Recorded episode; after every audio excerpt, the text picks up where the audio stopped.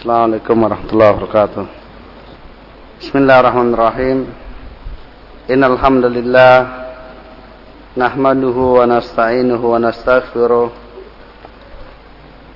ونعوذ بالله من شرور أنفسنا وسيئة أعمالنا من يهده الله فلا مضل له ومن يضلل فلا هادي له أشهد أن لا إله إلا الله وحده لا شريك له وأشهد أن محمدا عبده ورسوله أما بعد إخوة في الدين Assalamualaikum Sebelum kita lanjutkan ada ralat jasa Allah atas kritikannya terkait dengan kisah Ali bin Abi Thalib. Jadi saya nisbahkan kisah tersebut pada masa Rasulullah sallallahu alaihi tentang beliau kehilangan apa? baju besi ya. Jadi yang lebih benar itu justru pada masa beliau. Beliaulah khalifahnya dan kemudian diputuskan oleh salah satu dari hakimnya. Kita lanjutkan pada hadis yang ke-17. An-Nabi Ya'la Shaddad Ibni Ausin radhiyallahu taala an. Dari Abi Ya'la Shaddad bin Aus semoga Allah meridainya. An Rasulillah sallallahu alaihi wasallam qala dari Nabi sallallahu alaihi wasallam bahwasanya beliau bersabda Inna Allah katabal ihsana ala kulli syai'in Sungguh Allah telah menetapkan al-ihsan kebaikan pada segala sesuatu. Faida qataltum fahsinu al-qitlah. Maka jika kalian membunuh baguskanlah di dalam membunuh. Wa dabahtum fahsinu ad-dibha. Dan apabila kalian menyembelih maka baguskanlah dalam menyembelih. Wal yuhidda ahadukum syafaratahu dan hendaknya seorang di antara kalian itu menajamkan pisaunya. Wal yurih dabihatahu. Dan hendaknya untuk mempercepat dalam sembelihannya. Rawahu muslim. Ikhfa fi din wa iyyakum Dalam hadis ini Rasulullah memberitakan tentang Allah SWT bahwasanya dia adalah katabal ihsana kitabah yang Allah lakukan ada dua bentuk. Kitabah kauniyah qadariyah dan kitabah syar'iyah diniyah kitabah penulisan yang terkait dengan takdir dan kitabah yang terkait dengan syariat. Maka kitabah yang terkait dengan takdir maka tidak boleh tidak mesti terjadi. Dan demikianlah Allah SWT dia telah menetapkan alisan pada segala sesuatu. Maka segala sesuatu yang Allah ciptakan Allah takdirkan adalah baik ditinjau dari itu dinisbahkan kepada Allah Subhanahu wa taala. Adapun terkait dengan kitabah syar'iyah diniyah atau di antara dalil yang menunjukkan tentang kitabah kauniyah qadariyah adalah surat Al-Anbiya ayat 105. Walaqad katabna fi zabur min ba'di dzikr annal arda yarisuha ibadi ibadiyas salihun. Ayat tersebut adalah ayat kitabah qadariyah. Adapun kitabah syar'iyah ad-diniyah seperti firman Allah dalam surah Al-Baqarah, "Kutiba alaikumul qitalu wa huwa kurhul lakum." Allah telah menetapkan atas kalian perang walaupun perang itu sesuatu yang tidak kalian sukai. Seperti juga dalam surat Al-Baqarah ayat 183. Kutiba alaikumusiyam. Dan pada hadis ini lahirnya adalah kitabah syar'iyah. Dilihat pada kelanjutan hadis tersebut, faida qataltum fahsinu al-kitlah. Berarti artinya Allah telah mewajibkan untuk berbuat ihsan terhadap segala sesuatu. Dalam segala sesuatu yang memungkinkan untuk diterapkan ihsan kepadanya. Maka wajib untuk berbuat ihsan. Dan hakikat berbuat ihsan adalah menjadikan sesuatu menjadi baik. Dengan demikian hakikat ihsan berbeda-beda sesuai dengan perbedaan konteks pembicaraannya. Maka apabila dalam konteks pembicaraan ibadah, maka hakikat ihsan dalam ibadah seperti telah dijelaskan pada hadis kedua, antak budallaha ka'annaka tarahu fa illam takun tarahu fa innahu yara. Adapun apabila dalam konteks pembicaraan muamalah dengan sesama, maka hakikat ihsan adalah menunaikan hak hak sesama dan tidak menganiayanya, tidak mendoliminya. Karena wujud sesama berbeda-beda, yang hidup bersama kita itu berbeda-beda keadaannya dan kondisinya, maka tentunya berbeda-beda pula bentuk ihsannya. Sesuai dengan keadaan semua yang hidup bersama kita ini. Berbuat ihsan kepada manusia yang mukmin berbeda dengan berbuat ihsan kepada manusia yang kafir. Berbeda berbuat kepada berbuat ihsan kepada mukmin yang dia masih kerabat dekat tentunya berbeda dengan berbuat ihsan kepada mukmin yang dia kerabat jauh. Demikian juga berbeda lagi tatkala berbuat ihsan kepada binatang, kepada tumbuhan dan lain sebagainya dari apa yang ada di sekitar kita.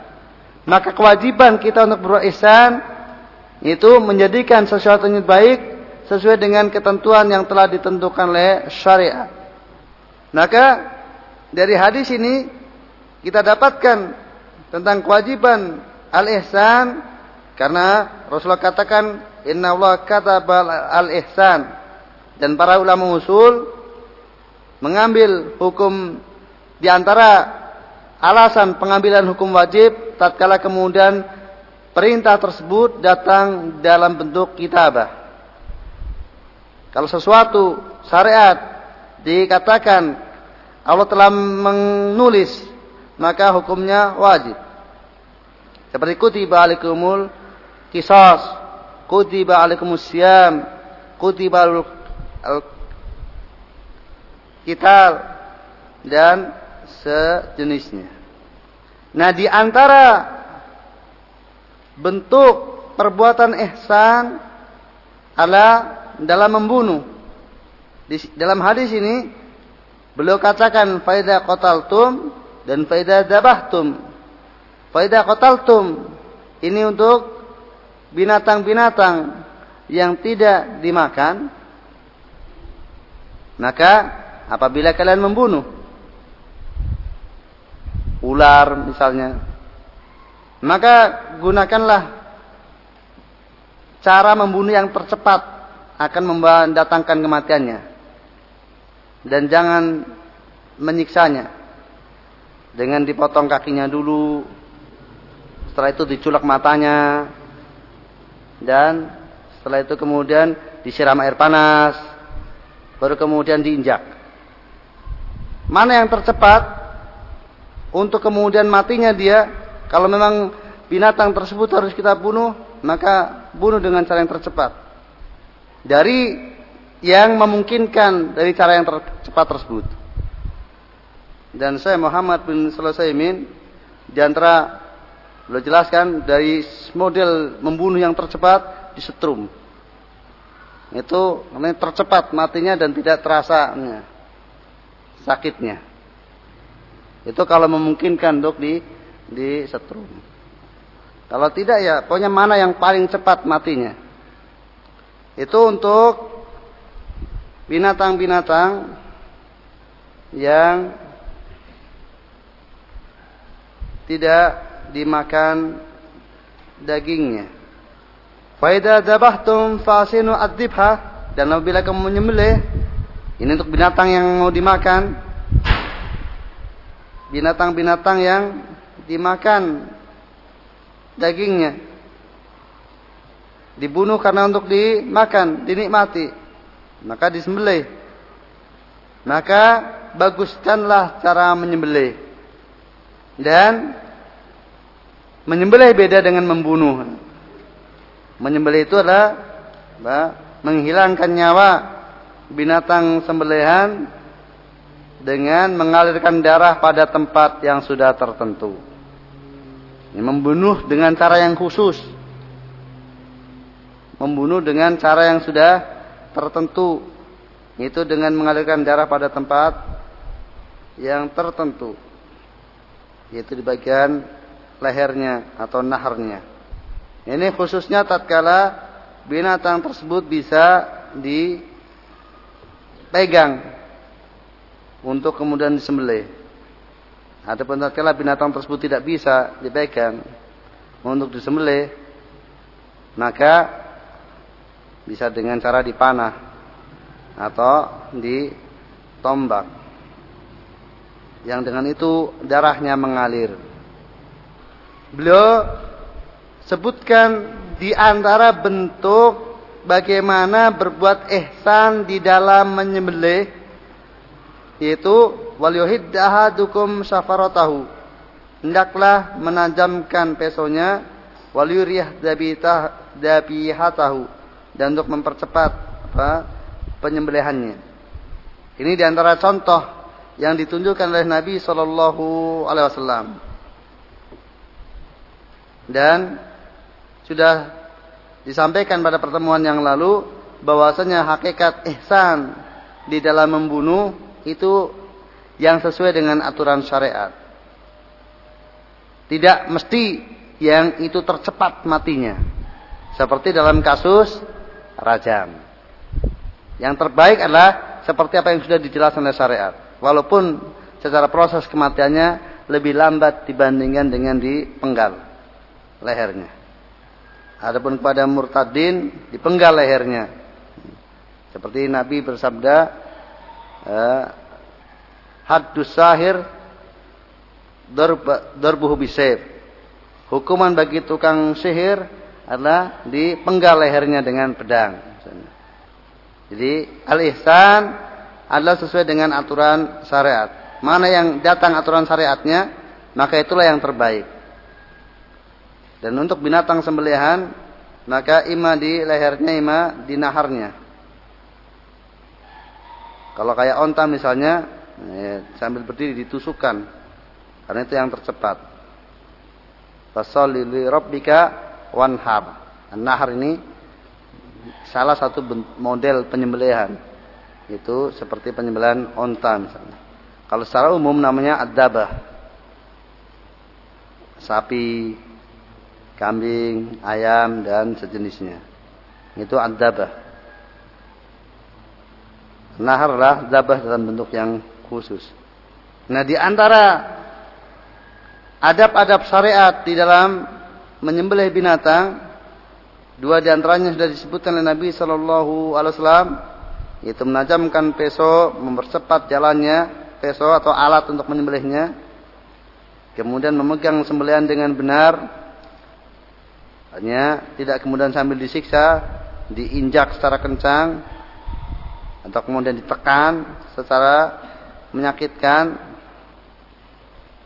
Ya secukupnya sekedar untuk memudahkan dalam proses penyembelihan. Kemudian dia juga punya keahlian untuk menyembelih dalam artian tahu bagaimana cara menyembelih dan orangnya muslim atau ahlul kitab jangan dibiarkan murtadin atau kemudian musyrikin menyembelih. Sementara kita butuh untuk menikmatinya. Karena sembelihan musyrikin atau murtadin itu haram hukumnya. Pak ya, sembelihannya hanya sembelihannya muslim dan ahlul kitab saja yang halal dimakan